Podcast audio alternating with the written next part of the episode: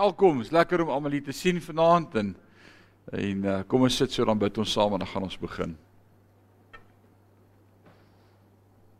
Koning Jesus. Ons het U so lief. U het ons kom opsoek, U het ons lewe kom verkoop. U het ons kom nuut maak, U het ons kom was. U het ons U kinders kom maak. U het U Gees in ons gedeponeer. U maak ons elke dag nog nuut. En elke dag is ons besig om 'n konstante groei in ons verhouding met U en ontdek ons meer waarhede uit U woord uit wat vir ons kosbaar is. Dankie vir groei, dankie vir genade, dankie vir U liefde. Dankie vir U oneindige, oneindige omgee vir elkeen van ons. Vader, dankie dat woordskool vir ons hierdie ongelooflike waarhede kom oopbreek deur die Heilige Gees wat vanaand ook met ons kom praat. My begeerte is vanaand dat U ons sal help met hierdie stuk teks sodat ons dit vanaand ook kan vas lê in ons lewens en dit kan deel word van ons geestelike groei. Ons het U lief, ons aanbid U. Ons skuld U ons lewe. En ons sê vir U dankie daarvoor. Ons het U koms lief. Ons wil vanaand sê Maranatha. Jesus kom weer en dit maak ons opgewonde. En ons sê vir U dankie vir daardie wete dat U ons kom haal. Tot dan, hou ons staande. Dis my gebed in Jesus naam en sê ons sê amen en amen. Amen. So geduldig. Ons sal geduldig wag, sê Martie. Amen. 2 Tessalonisense 3. Ons maak vanaand dalk klaar met 2 Tessalonisense. Dalk nie. Julle glo my nie meer nie. Dis al, al hopelik al wat julle nie glo wat ek sê nie, is wanneer ek gaan klaar maak. Die res moet julle glo want dit kom uit die woord uit. 2 Tessalonisense. Ten slotte.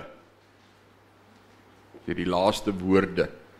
Ten slotte broers en susters bid vir ons sodat die woord van die Here vinnig mag versprei en net soos by julle met eerbied ontvang word.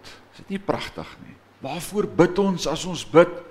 Ons het laasweek klaar gemaak met daai pragtige gedeelte waar ons sê uh, ons ons ons is dankbaar en ons ons is dankbaar vir mekaar en ons as ons bid dan dan bid ons uit dankbaarheid uit vir die liggaam en vir God se kinders en sy familie wat deel is van sy kerk. Maar nou kom Paulus en hy begin klaarmaak hierdie laaste hoofstuk en hy sê waarvoor bid ons? Waarvoor moet ons bid?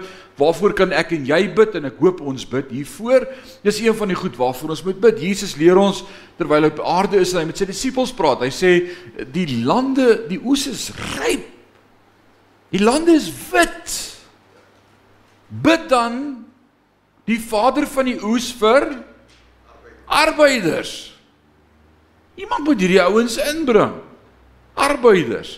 Nou kom Paulus en hy skryf in slot hy sê bid vir ons sodat die woord van die Here vinnig versprei en net soos by julle met eerbied ontvang word.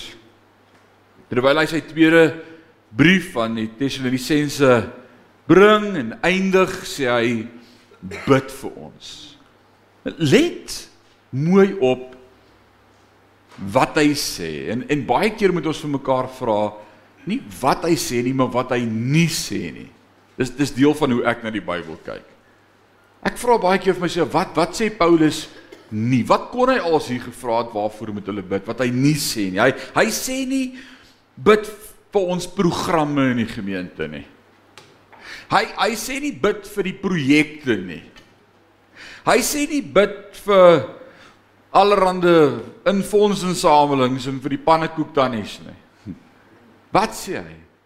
Bid vir die prediking van die woord.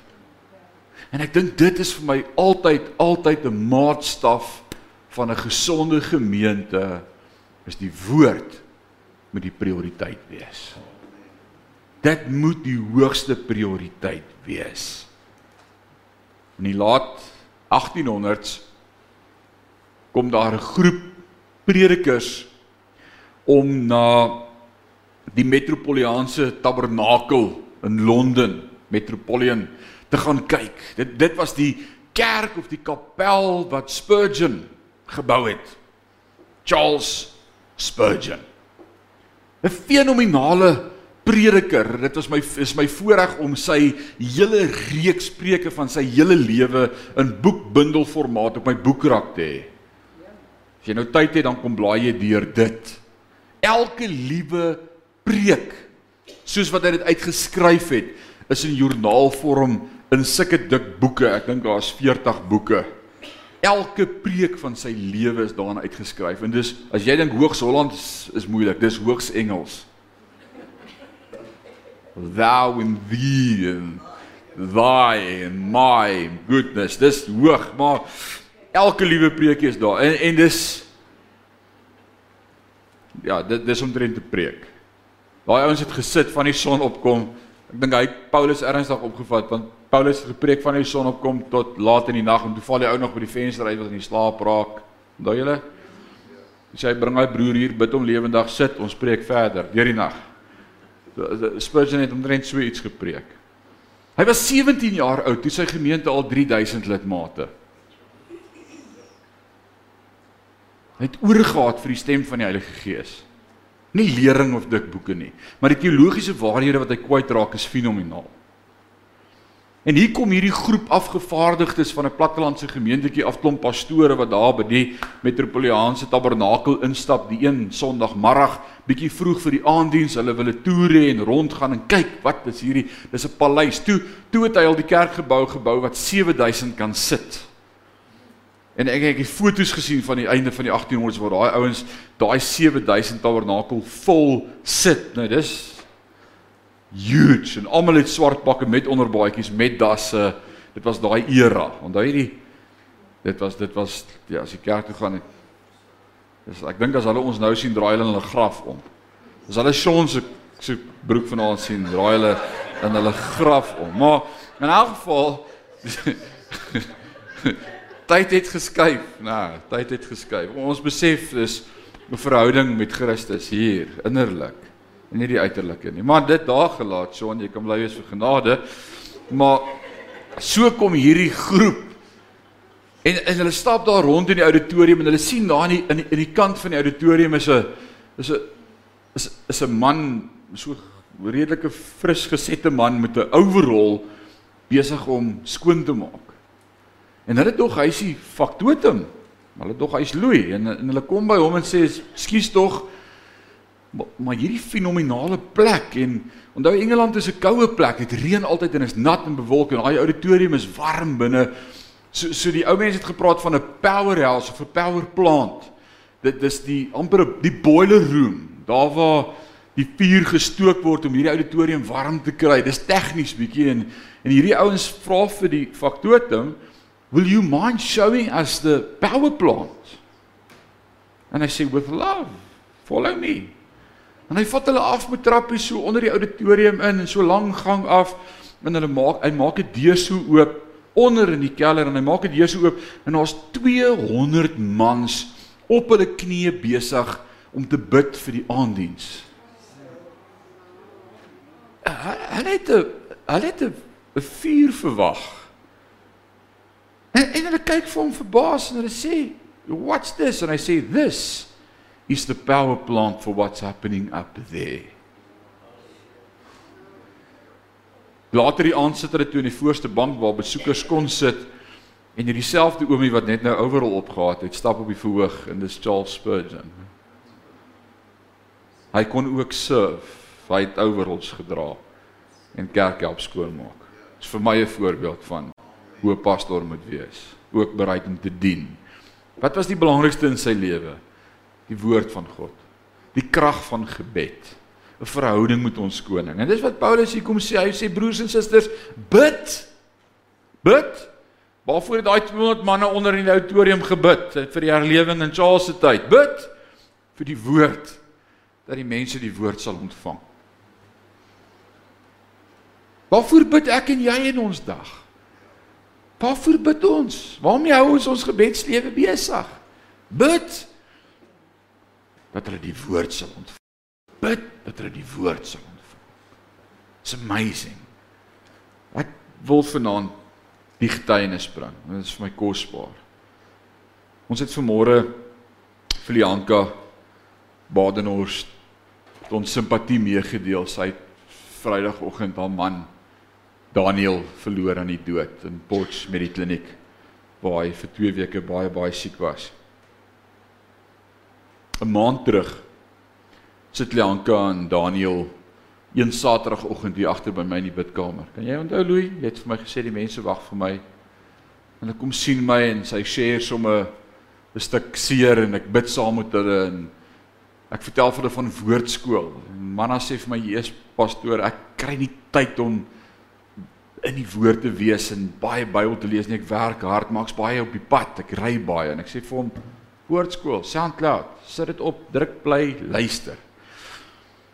En so week daarna stuur hy vir my WhatsApp en sê pastoor, dit maak al die verskil in my lewe. Die die Here connect met my elke keer as ek in die kar klim. Ek hoor die woord.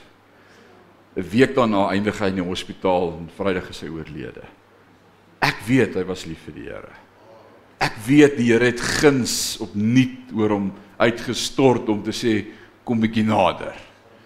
Wow, die woord en, en dis wat ek bid as ons met die woord met ouens share is wil ontvanklik sal wees. Dis wat Paulus se gebed is. Hy sê ek bid dat die woord so mag versprei soos wat jy dit in eerbied ontvang het.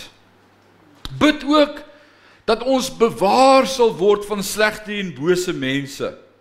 Want nie alle mense kan vertrou word nie. Wat het hy geweet wat ons nie weet in ons dag nie? Wie kan sê amen? Dis nou maar so, né?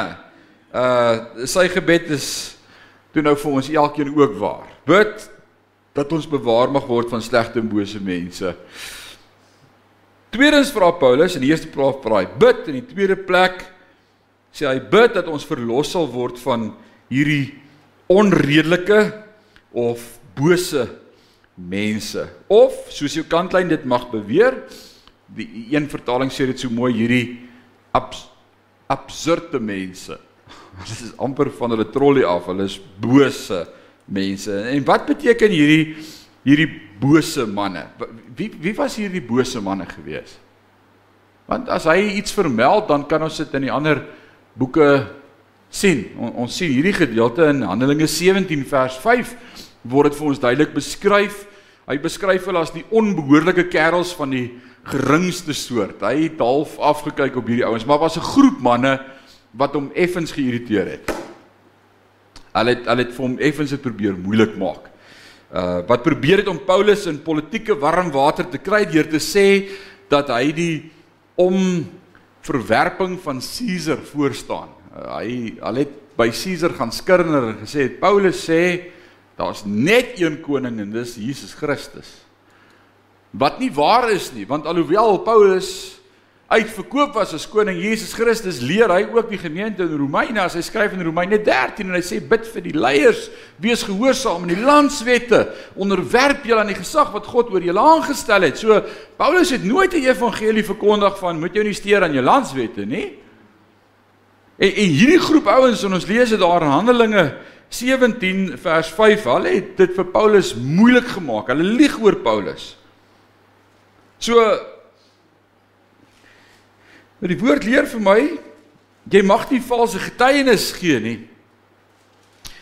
En dit het God in die 9de gebod verklaar in Eksodus 20 vers 16 en dit ken ons almal ons het daarmee groot geword. Nou hierdie bose manne verskaf 'n klassieke voorbeeld van wat dit beteken om valse getuienis te lewer. Jy sien om 'n leuen te vertel is nie die enigste manier om valse getuienis te lewer nie. Baie ouens bring net 'n blaatante leuen. Maar baie ouens bring 'n halwe waarheid. En ek was so groot kannetjie, ek het nog nie lekker verstaan wat dit beteken nie toe my pa eendag vir my sê toe ek vir hom die helfte van die waarheid weggesteek het. Ek het nie gelieg nie. Ek het net nie vir hom die volle waarheid vertel. Ek het hom gesê ek het gesien toe my broer daar verbyloop, maar ek het nie vir hom gesê maar ek het na die tyd dit gaan doen nie. Ek het net die eerste deel gesê. Maar dit was so, ek het my broer daar gesien. Maar hy het net verbygeloop. Maar dit het my gepas om dit te sê. Sê ek ek het gesien toe ek daar verbyloop. Wat het hy gesê toe? Toe hy weg is, toe ek het gedoen. En toe vang hy my uit. En toe het hy vir my hierdie les probeer leer. Hy sê vir my Rinus, 'n halwe waarheid is 'n volle leuen. Hæ? Huh? 'n Halwe waarheid is 'n volle leuen. Want is nie die volle waarheid nie. So hierdie ouens het nie leuns vertel van Paulus nie. Hulle het halwe waarhede van hom vertel. En dis die probleem wat hy met hulle gehad het. Halwe waarhede. Ons lewer 'n vals getuienis waar ons eenvoudig die waarheid verkeerd voorstel. Hoe weet ek dit? Daar is nog 'n uh, insident in die woord waar ons valse getuienis sien by die verhoor van Jesus Christus. En die owerpriesters en ouderlinge in die hele Joodse raad het valse getuienis teen Jesus gesoek om hom dood te maak, maar hulle het niks gevind nie. Ja, en daar het baie valse getuienis gekom. En tog het hulle niks gevind nie. En op die laaste het twee valse getuies gekom en gesê, hierdie man het gesê, ek is in staat om die tempel van God af te breek en dit in 3 dae te herbou. Gaan lees dit in Matteus 26 vers 59 tot 61. Het Jesus dit gesê? Hy het. Is dit die waarheid dat hy dit gesê het? Ja, maar die volle waarheid is hy het van homself gepraat. Maar die halwe waarheid wat die volle leuen was is net die helfte van hy het gesê hy gaan die tempel afbreek. En jy vat nie aan die tempel nie. Nie van die Jode nie. Snaaks dat dit toe is wat later gebeur het. Nou, hulle tempel is afgebreek. Hm. Terwyl Jesus inderdaad gesê het breek hierdie tempel af en oor 3 dae sal ek dit weer oprig. Hy het vir ons gesê in Johannes 2 vers 19 het hy gepraat van sy eie liggaam en so het Paulus ook hierdie heerskappy van Christus verkondig, maar ook dat ons ons moet onderwerp aan aardse gesag. In beide gevalle het valse getuienis die regte inligting gegee, maar met verkeerde implikasies. Let daarop dat Paulus nie sê dat hy die valse getuienis wil debatteer nie. Hy wou nie daaroor rebelleer nie. Hy wou nie daaroor praat nie. Hy het nie gesê bring dit dat ons dit kan weer lê nie. Wat was sy metodiek wat hy daarmee gedeel het? En hierdie was vir my 'n groot les in die laaste deel van my lewe en ek dink dit gaan vanaand vir jou deel want daar is mense wat stories van jou vertel. As jy dit nie weet nie, kyk net om. Daar is Dit is net so, dis die lewe. Welcome to my world. Daar's altyd mense wat iets van jou sê. Hoe hanteer hy dit? Hy vra bloot vir hulle om te bid dat hy van hulle verlos kan word. Hy het nie met hulle gaan redeneer en in argumente betrokke geraak en gesê kom dat ons die saak bietjie hier uitsorteer. Wie praat? Baie keer is dit ons manier hoe ons dinge wil doen, né? Ons wil die leuen veg met waarheid Paulus sê ek het ek het nie tyd vir dit nie want as jy eers gaan besig raak om jouself te verdedig gaan dit alwees waarmee jy gaan besig wees. En jy gaan van die son op kom tot die son onder gaan besig wees om oral vure dood te slaan. Wat doen hy? Hy sê dit net dat hulle die pad vat. It's a godly way. So wat staan ons te doen? Ek vra vir myself die vraag, wat wat staan ons te doen Doen wat Paulus gedoen het. Moenie kla nie. Moenie probeer verduidelik nie. Jesus, hier kan ons almal leer, né? Maar moenie verduidelik nie. Moenie moenie probeer verskonings maak nie. Bid eerder dat God vir hulle sal sorg op sy tyd en op sy manier, want as jy jouself begin verdedig, sal jy nooit ophou nie. En dit herinner my aan hierdie storieetjie. En dit pas vir my so in. Ek moet dit met jou deel vanaand. Dalk het jy dit al gehoor. 'n pa en sy seun besluit aangesien hulle geld nodig het en iets moet doen om geld in die hande te kry, gaan hulle hulle donkie in die dorp verkoop. Dis al wat hulle oor het is die donkie. Arme donkie. O, die donkie. Nou, nou gaan hulle met die donkie dorp toe. Toe hulle in die dorp aankom, toe sit die pa op die donkie en die seun stap met die donkie.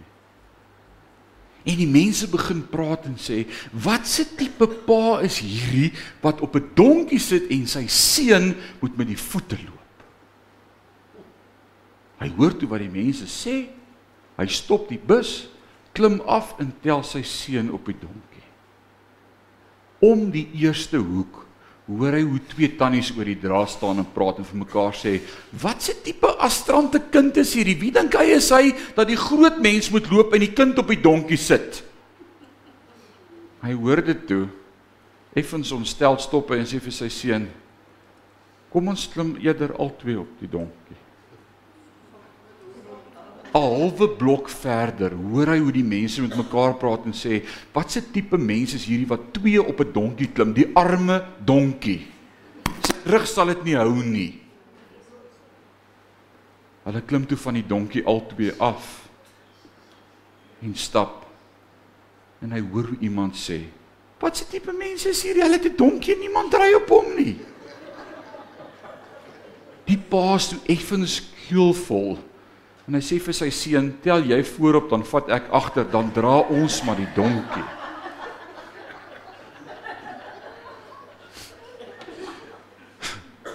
Wat leer ons uit hierdie storie? As jy jou begin steur aan mense, gaan jy net besig wees om mense te probeer please. Jy kan nie. So jy moet vanaand die besluit maak gaan ek die donkie dra of gaan ek my nie steur aan wat mense sê nie. Ek moes in die bediening leer. Ek het nie krag vir donkies dra nie. Die woord sê kom na my toe almal wat moeg en oorlaai is, ek gee rus. Al was jou las hoe swaar. Los dit by my. Moenie dit probeer dra nie. Ek het al baie donkies vir die Here gegee. Ek het al baie goed probeer doen om ouens te please en weet jy wat? Jy kan hulle nooit please nie. Nooit. En as jy wil vry wees, dan is die enigste inspraak wat belangrik moet wees in jou lewe, is wat sê God. Dis al wat tel. Dis al wat tel. Dis al wat tel is wat sê God. So probeer jy myself te verdedig en soos die arme man en sy seun sal jy vind dat jy 'n swaar las dra. Doen eerder wat Paulus gedoen het en laat jou verdediging aan die Here oor. Vers 3 kom hy en hy en hy begin met hierdie woord en is so awesome hy begin om te sê maar maar maar wat maar die Here is getrou kan ons net vanaand sê amen Hy's getrou, maar die Here is getrou. Hy sal julle sterk maak en van die bose bewaar. So so Paulus kom, hy wil vir 'n oomblik kla. Hy sê bid net dat die Here hierdie bose ouens uit my pad uithou en dan en dan en dan raak hy net stil vir 'n oomblik en dan sê hy maar kom ons wees net eerlik. God sal ons van die bose bewaar. Hy sal julle sterk maak en van die bose bewaar. Verder gee die Here ons sekerheid oor julle dat julle dit wat ons vra doen en sal doen. Soos onredelike goddelose manne sê Paulus, maar die Here is getrou en hoe ons weet dat hy dat dat dat, dat ons sal goed vaar en dit met ons sal goed gaan. Ek word gereed gevaar gevra oor oor die opvolgprogramme vir doopelinge. Ouens, nou ons het nou die dag twee weke terug doopdiens gehad en ons 11 gedoop en dan is daar mense wat vir my vra, nou hoe hoe maak ons nou seker daai 11 ouens bly op die pad? Jy weet, jy moet hulle nou deur 'n deur 'n jy moet nou hulle deur 'n skool vat. Jy moet nou vasmaak. Hierdie ouens moet nie verlore gaan langs die pad nie. Hm. Ek, ek wil sê soos Paulus glo ek vas dat die Here diegene sal vestig wat werklik syne is. En dit Filippense 1 vers 6 waar is in ons lewe wat sê die werk wat hy in ons begin het, sal hy volëindig. Dis so. As ek daai ou moet op die pad hou, sal moeilikheid. Hæ? As ek jou moet op die pad hou, en elke dag moet WhatsApp en elke dag vrou gaan dit en elke dag vra het jy gebid vandag? Het jy sonde gedoen? Het jy dit bely? Kom kerk toe Sondag. Waar was jy vanmôre? Daar's ouens wat dit verwag van pastore. Daar's nie 'n manier nie. So ek glo dat God wat die werk in jou begin het, dit gaan klaarmaak. Ek leer dat die saaier nie 'n 100% oes gekry het op al sy saad nie. Mm. -mm. Koos, verwag jy 100% oes op alles wat in die grond sit? Sal awesome wees, né? Maar die realiteit en dit waarmee ons beplanning doen is om te sê hierdie oes gaan nie 100% oes oplewer nie. Daar gaan plekke wees waar daar minder water gaan val. Maar dis ons noem dit oesbestuur, né? En selfs met God se kerk moet ons eerlik met mekaar wees. Nie almal wat sê hulle is kinders van die Here. Is kinders van die Here nie. Jesus sê, nie elkeen wat vir my sê Here, Here sal ingaan nie. Ek sal sê, gaan weg van my af. Nou, ook hy net 'n oombliekie. Jesus die enigste beeld van genade en liefde wat ons kry in die Bybel. Wat wat vir die vrou wat in oorspel betrap is sê ek oordeel jou nie gaan en sondig nie weer nie. Wat met die vrou by die put sit en praat en sê jy het al 6 mans gehad en die sewende een bly jy net by. Drink van hierdie water en jy sal nooit weer dors kry nie en haar lewe het verander. Hierdie Jesus van genade. Imagine hy sê vir mense ek het jou nooit geken nie. Gaan net weg. Dis dis amper ondenkbaar. Hæ? Huh? Martie? Regtig? Nie almal wat vir my sê Here, Here sal ingaan nie, maar hulle wat die wil van die Vader doen. Hierdan sal die wêreld weet dat julle my disippels is. Aan julle liefde vir mekaar. Those who are led by the Spirit, Romans 8 they will be called the sons of God. Sure. Right. So as dit 'n filosofie of 'n program is wat ons najag, as dit bywoning is wat ons probeer bou en groter hoeveelhede in die kerk kry en in die program, dan het ons 'n program nodig. Ja, aan die ander kant as dit bloot Jesus is wat ons verkondig, sal hy deur sy liggaam diegene omhels wat na hom toe kom. En hy sal sommige van julle op die skouer tik En hy sal in ons harte werk om te sê, "Hey, bemoedig bietjie vir Attie, praat bietjie met Louis, gaan bid bietjie vir Saul, praat bietjie bel bietjie vir Leon." Want dis hoe die Heilige Gees met ons werk. Ons is 'n liggaamsmodel, nie programgedrewe nie. Vers 5 Mag die Here julle hele lewe instel op God se liefde en die volharding wat Christus aan ons gee. Is dit nie pragtige sin nie? As as jy vir iemand iets wil mee bless vandag, 'n gebed oor iemand bid of vir iemand iets wil stuur, hier's dit. Mag die Here jou hele lewe instel op God se liefde en die volharding wat Christus aan jou gee. Die nuwe vertaling sê ook die die geduldige wat op Christus wag of ook die geduld van Christus kan ook 'n vertaling wees. Hæ? Dis mooi.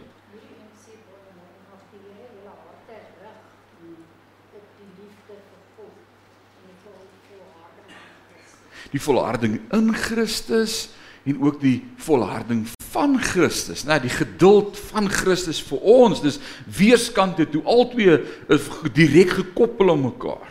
En die enigste manier waarop ons die geduld van Christus kan hê, is om op hom te wag met die wete dat ons binnekort by hom sal wees. Dis al wat my staande hou. Ons het vanaand hierdie gebed gebid en ek het gesê Maranatha. Ek wil vanaand 'n stelling maak. Ek hoop ek is reg as ek dit sê. Ek hoop nie julle drop my nie. Ek steek my nek nou ver uit. Ek wil 'n stelling maak. Ek het opgemerk dat die vreedsaamste, geduldigste en tevrede mense diegene is wat werklike verwagting het vir die wederkoms van Christus. Ons hou ons nie besig met toi toi en met fights. Ons het ons oë gerig op iets groters. Jesus is op pad. Ek het nie tyd vir chol nie. Nie tyd vir onderstrominge en vir agteraf bickering en vir Nee man, die Here is op pad. Ek hoop dat jy met my deel in daai getuienis. Hierdan sal die wêreld weet dat jy my disippels is, hè? vrug. Sjoe. En nou kom hy net deel in hierdie volgende paar verse met met met gelowiges se roeping om te werk. Nou kom ons verstaan dit net mooi en ons is ons is nie geregverdig deur ons werke nie. Niks wat ek of jy ooit kan doen kan vir jou plek in die hemel reserve nie. Jy, jy daar's nie. Alraai, nie jou tiene wat jy gee nie, nie hoe lank jy op jou knieë bid nie, nie hoeveel keer jy vas nie, nie enige iets reserve vir jou spot in die hemel nie. Dis 'n verhouding met Jesus Christus. Dis omdat jy in geloof die kruis en die prys aangeneem het. Omdat jy sê ek leef nie meer nie, hy leef binne in my. Maar nou kom Jakobus en ja, ja moenie die boek Jakobus lees as jy nie lekker voel nie, hoor. Hy gaan vir jou reguit klap. Jakobus sê, jy sê jy glo. Wys my jou werke en ek sal vir jou sê of jy regtig glo. Maar nou sê jy maar jy het nou net gesê dis nie op grond van werke nie. Presies. Maar as ek sê dat ek glo, dan is die vrug van my geloof.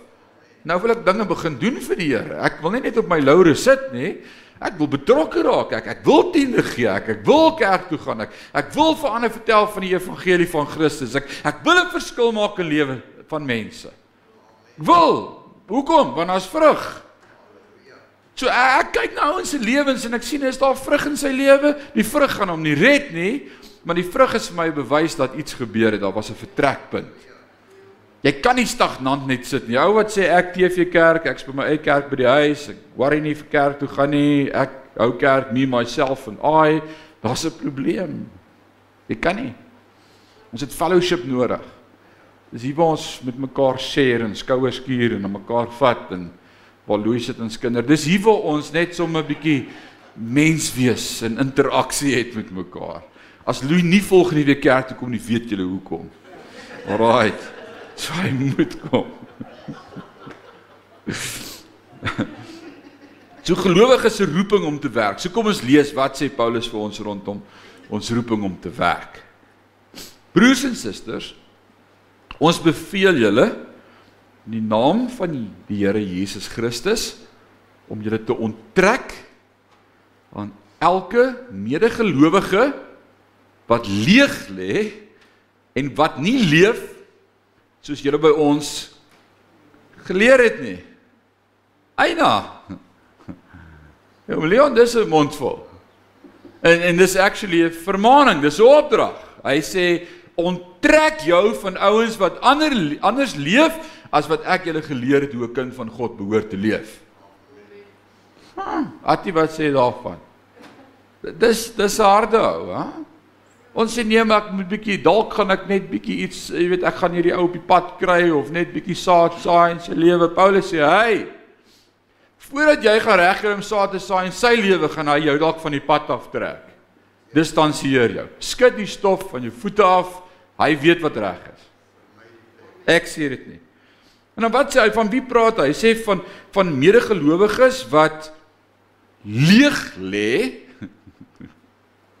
Ons gaan nou daaroor praat oor busybodies, leeg lê en wat nie leef soos julle by ons geleer het nie. Julle weet dat julle ons voorbeeld moet volg. Nou hierdie is weer eens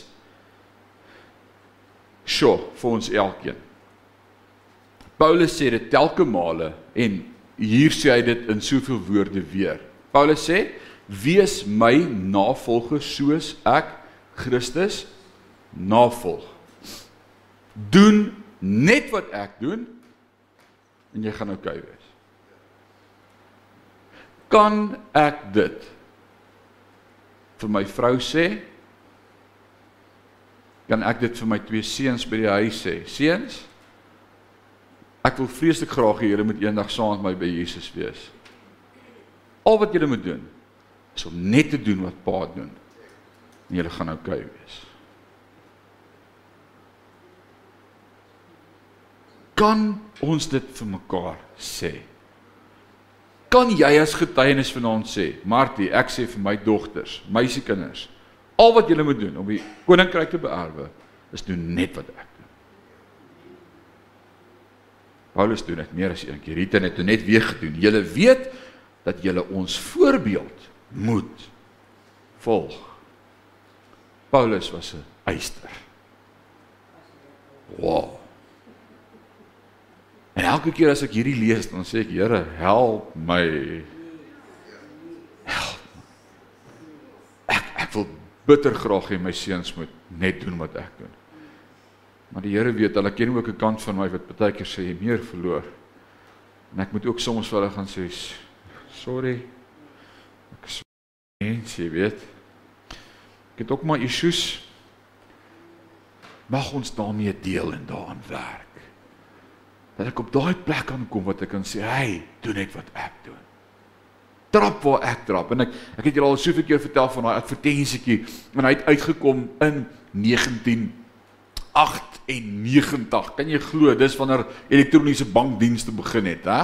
Die Standard Bank was een van die voorlopers met elektroniese bankdienste. Vandag het jy jou app op jou foon en jy kan nie dink jy kan sonder die app bank nie. Jy gaan nie Wanneer laas was jy in die bank? Ek kan nie onthou waar's my bank nie, maar in elk geval. Dit is amazing. Maar Standard Bank het in 1998 hierdie besigheids business banking uitgebring. Ek weet nie wie van julle gaan hierdie ad onthou nie. Standard Bank, SBSA, Standard Bank Suid-Afrika, business banking en dit was 'n pa wat met 'n wit 3/4 broek en 'n T-shirt met 'n visstok oor sy skouer op die strand gestap het. En dan as die kamera so teruggaan, net so agter hom is net so klein laaitie en hy gee sulke groot tree om in sy pa se voetstappe te stap, sulke groot tree. En die ad sê, die slogan was sodat jy meer tyd het om te spandeer met jou loved ones. Doen die app, jy hoef nie bank toe te gaan nie, gebruik die app en jy gaan meer tyd hê vir wat saak maak. Maar toe ek daai app sien, toe begin ek huil. Eileen sê, "Wat gaan nou aan? Huil jy oor jy nie by Standard Bank is nie?" Ek sê, "Nee. Nee. Het jy gesien daai app? Nou daar was nog nie PVR's of pause of rewind nie. Hy's hier vasgevang. Ek sê, "Het jy gesien wat doen daai klein seentjie? Hy trap net in sy pa se voetspore." Dit is 6 jaar voor ons eerste seun gebore is. Ek het nog nie eers kinders gehad nie. Ek en hy lief was al getroud. En sy sê, "Wat bedoel jy?" Ek sê Paulus sê, "So moet ons sy navolger wees soos wat hy Christus navolg." Mag ek eendag vir my seuns kan sê, "Trap net in pa se spore en julle gaan oukei wees."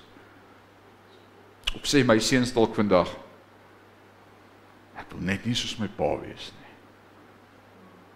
Paulus sê hier, julle weet dat julle ons voorbeeld moet volg. Ons het tog nie by julle leeg gelê of bedelbrood van enige een geëet nie. Inteendeel, ons het dag en nag hard gewerk en geswoeg om nie vir enige een van julle las te wees nie. Nie dat ons nie op versorging aanspraak kon maak nie, maar ons wou onsself as 'n voorbeeld vir julle stel om te volg. Is dit nie pragtige woorde nie? Hy sê on, ons kon offerandes opneem en gesê kom ouens, julle moet 'n bietjie gee vir die werk van die Here. Die predikant het ook brood nodig in sy huis. Maar, maar ons wil vir julle 'n voorbeeld wees van hard werk en 'n getuienis wees in die omgewing van ouens wat sê ons werk hard, ons lê nie leeg nie. Wow, die woord wat hier gebruik word, hy sê ons het geswoeg om nie vir enige een ons het hard gewerk en geswoeg. Daai woordjie geswoeg verwys letterlik na die pyn van geboorte. Van 'n bevalling.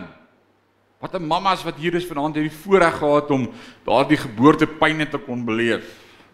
Borsie se ma sê ook mos die pyn. OK. Maar in elk geval, daai geboortepyne, dis waarna Paulus hier verwyl en hy en dis dieselfde wat ons vind in Johannes 16 vers 21. Wil jy gesoen toe blaai? Johannes 16 vers 21, die vierde evangelie Nuwe Testament, Matteus, Markus, Lukas, Johannes 16 hoor vers 21.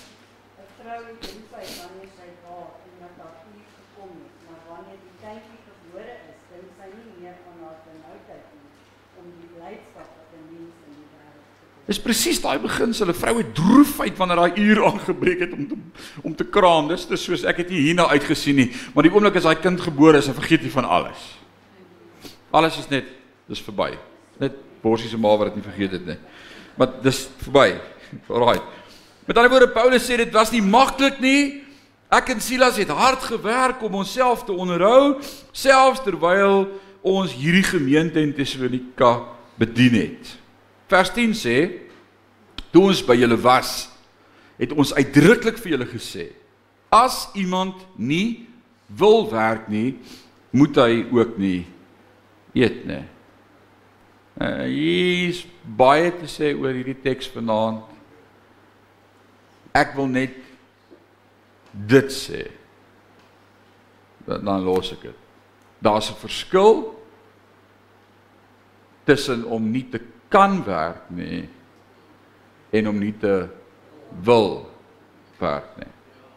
Paulus sê as jy nie wil werk nie, kan jy nie eet nie. Dis baie ouens wil nie werk nie. Hy kan maar hy wil nie. Maar ek ken ook ouens wat wil werk maar nie kan nie. En ek dink daarvan is die Bybel vol. Ons moet na hulle kyk. O, ons moet vir hulle sorg. Daarvan is die Bybel baie te sê. Bybel het baie te sê oor deernis vir diegene wat nie kan werk nie. Wees as baie versigtig voordat jy kos weerhou van iemand wat blykbaar lui is en vind uit kan hy nie of wil hy nie. Groot verskil. Kan of wil. Dan sê in vers 11, ons sê dit omdat ons hoor dat sommige mense leeg lê. Nou hier kom ons nou by 'n lekker topik. Dat hulle nie werk nie en hulle met ander persone die sake, se sake bemoei. Met ander woorde, dis dis ook waar ons die woordjie kan kry bemoei siek. Is daar 'n beter woord vir bemoei siek? Nosy? Wie dit gesê? Yes. Busybodies? Right? Dis die gedagte wat Paulus hier wil hê ons oor moet dink wanneer 'n persoon wat moet werk of besig bly, die ou mense die mooiste spreekwoorde gesê. Een van hulle was ledigheid, is hy? Duiwelse oorkussing. Ja, yeah, kinders verstaan. Weet jy wat dit beteken? Ja, vra jou ma by die huis hoor. Ledigheid is die duiwelse oorkussing. Wanneer 'n persoon wat moet werk en kan werk, nie werk nie, sal hy 'n busybody wees. Want hy sal ewig besig met ander mense se sake. Het jy gesien? Het jy gehoor? Oh, ek het dit nie gesien nie. Ek het dit nie gesien nie. Sy sê skinderbek. Jy jy sien toe toe Adam in die tuin van Eden tot 'n val gekom het was dit God se genade en wysheid wat vir hom gesê het: "Adam, die beste medisyne vir jou is jy moet nou werk." Want as jy nou gaan sit en niks doen nie en jouself gaan jammer kry oor jy die appel geëet het. Nee. You're going to waste your life, my boy. Die beste vir jou nou is werk. Daar's nie 'n ander manier om hieroor te dink nie, Attie. O, ons sê om te werk is, is iets 'n remedy. Dis dis terapeuties. Is dit nie so nie? Jy's like my ergste straf was hierdie maand wat ek op verlof was. Ek het nie geweet wat om wat om nog reg te pak in my garage nie en soos kan ek nie net gaan werk nie. Frustreer. Besig om besig te bly. Jy moet werk, sê Genesis 3 vers 17 tot 19. Klaar blyklik het die onredelike en goddelose manne van vers 2 dit nie verstaan nie, want hulle het genoeg tyd op hulle hande gehad om oor Paulus se eindelose foute gesprekke te voer tot laat in die nag. Hulle het geskinder. Hulle was nosy, hulle was busybodies. Ek het eendag 'n artikel gelees oor die shuttle Discovery. Onthou julle die maantuig Discovery, die shuttle. Die artikel het verduidelik dat herstelwerk aan die brandstoftank deur 'n 6 oog voelverskrikker na die lanseerplatform begelei sal word. My gefassineerd, wil ek verder lees? Die voelverskrikker was bedoel om twee houtkappertjies wat die vorige ronde 195 gaatjies in die pendeltuig geboor het af te skrik. Die lansering is vir 2 maande vertraag weens die gevaar dat ys in hierdie gaatjies sou vorm en die pendeltuig tydens lansering sou beskadig. die tegnologiese hoogtepunt van die mense vermoëns van miljarde dollars is gepootjie deur twee klein houtkappertjies.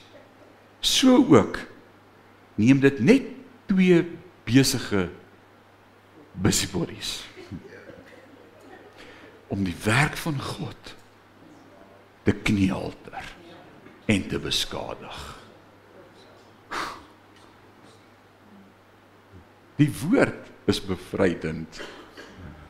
Die woord is bevrydend. Nou sê in vers 12 in die naam van die Here Jesus Christus beveel ons sulke mense. Ja, ons druk hulle dit op die hart dat hulle rustig hulle werk moet verrig en so hulle eie brood moet verdien. Mind your own business. Jy kan vanaand sê die Here sê, mind your own business. Gaan kry jou eie brood in vrede. Los myne uit. En julle broers en susters, moenie moeg word om goed te doen nie. O oh man, ons het nodig om dit te hoor. Ons word moeg om goed te doen. Ek het nou net genoeg hiervan gehad. Verder as mense nie ons opdragte in hierdie brief gehoorsaam nie, hier kom 'n hier kom baie goeie advies vir 'n gemeente. Identifiseer hulle. Vermy hulle sodat hulle kan skaam kry. As ouens nie wil hoor wat God se woord sê nie.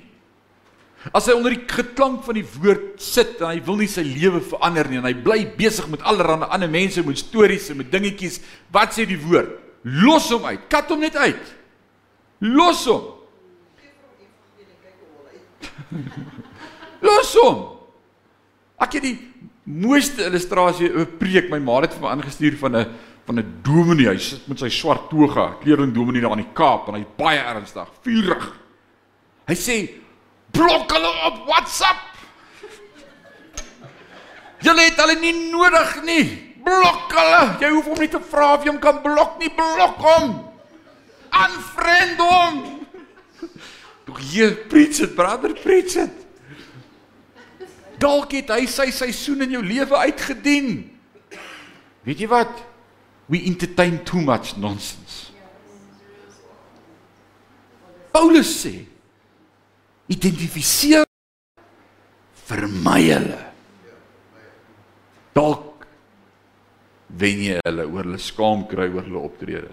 Some you win and some you lose.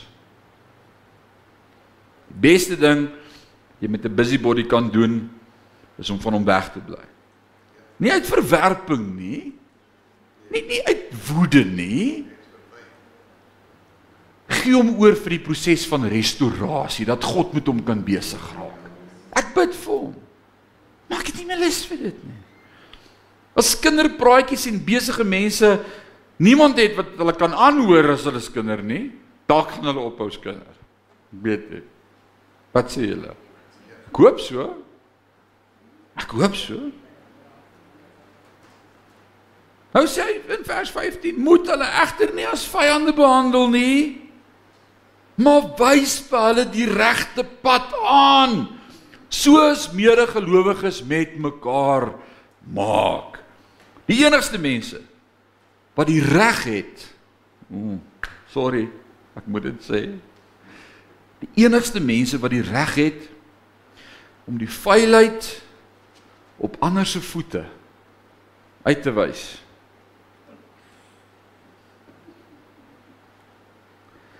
is diegene met 'n handdoek om hulle middel en 'n bak water in hulle hand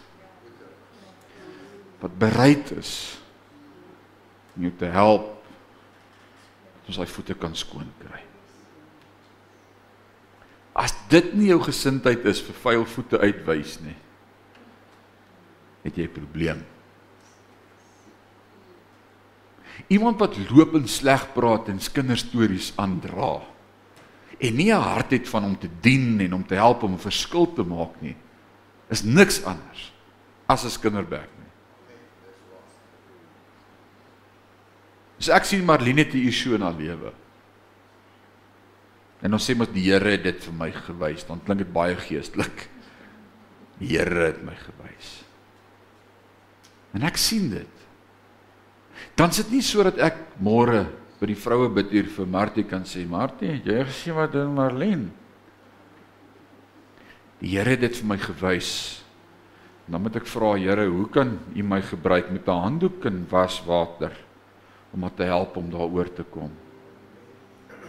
As dit nie my manier is nie, dan werk ek nie saam met die koninkryk nie, maar teen die koninkryk. Ek dink dis die goed ouens Tessalonisense is fenomenaal vir ons dag. Ati, dis die goed waarmee ons nou sukkel. Die klein houtkappertjies wat die werk van die Here probeer skade aan doen. Nee. Maar vra ek vanaand eers vir myself. As ek na myself kyk in die spieël, het ek 'n handdoek om my middel dink het ek 'n bak water in my hand? Wil ek surf? Wil ek die minste wees? Wil ek ander dien? Wil ek hulle help om gesond te word? Of beskinder ek God se mense in sy kerk?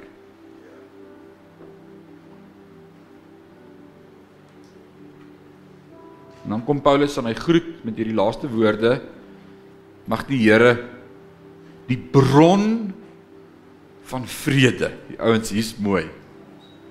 As jy vrede in jou lewe kort, connect aan die bron. Hier's got it. Hy het alles, vrede. Sou vir my sê kort vrede, dan sê ek jy het nie gekonnekt met die bron nie. Hy's die bron. Mag die Here die bron van vrede self altyd en op elke manier vir julle vrede gee. Mag die Here met julle almal wees. En dan skryf Paulus in sy eie handskrif hieronder aan die groet skrif ek met my eie hand. Hoe hoekom is dit belangrik om dit te sê? Want onthou hoe ons die brief begin het. Hy het gesê daar's allerlei valse leraars wat onder my naam vir julle allerlei chol vertel. En sê julle is in die groot verdrukking en julle is in die laaste dae en julle die wegraping gemis en allerlei nonsens. Hierdie is die goed wat God wil hê julle moet doen en dan teken hy die brief met sy eie hand en sê van Paulus. My handskrif aan die einde van elke brief is die bewys dat ek dit self geskryf het. Mag die genade van ons Here Jesus Christus met ons elkeen wees. Ek wil dit vanaand oor elkeen van ons uitspreek. Mag die genade van ons Here Jesus Christus met ons elkeen wees. Wat beteken dit? Sy genade om vanaand hierdie woord te vat en myne te maak. Sy genade om vanaand te sê Here, ek kort 'n handdoek en 'n bak water. Sorry. Ek kort iets om te doen om my besig te hou. Ek's te besig met wat ander doen en wat ander sê. Help my. Sorry om dit te kan verander is genade.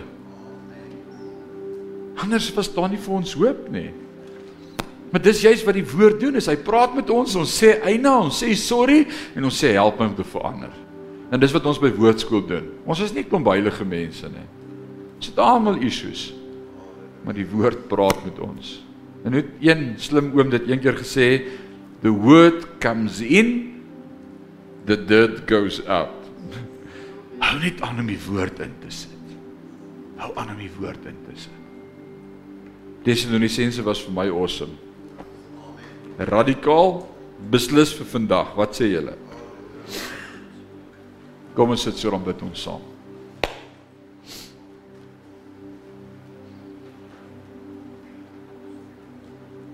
Here My gebed vanaand is dat u stille stem van die Heilige Gees in ons elkeen se lewe die naprediker sal wees van hierdie teks. Here, hierdie is nie 'n preek wat ons uitgedink het of 'n tema wat ons wou bestudeer nie. Hierdie is u woord.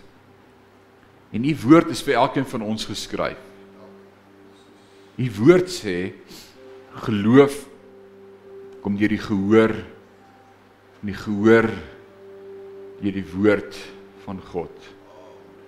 En ons glo vanaand u woord is die waarheid. Ons glo vanaand wat u woord ons leer. Ons kan daarmee assosieer. Ons kan in ons eie dag soveel beeldspraak sien en herken van dit wat Paulus ook hier geskryf het. Ons kan ook vanaand na ons eie lewe kyk en introspeksie doen en vanaand sê Here, help ons. Help ons om minder te praat en meer te doen. Help ons om daders te wees van u woord. Dat ons nie eendag daardie groep sal wees wat moet hoor gaan weg, ek het jou nie geken nie want jy het nie gedoen nie. En ons weet werke red ons nie. Maar help ons dat ons geloof sal oorgaan in aksie. Prakties. Hoe vanaand bid Here, gee ons nie net 'n geestelike handdoek en 'n bak water nie, maar dalk moet ek ook self fisies soms na iemand toe gaan en sê ek is hier om jou te dien. Ek is hier om jou te bedien. Ek is hier om jou te versorg. Help ons om regtig liggaam van Christus te wees vir mekaar. In hierdie tyd om ons naby U te hou totdat U ons kom haal. Ons is opgewonde om deel te mag wees van die kerk.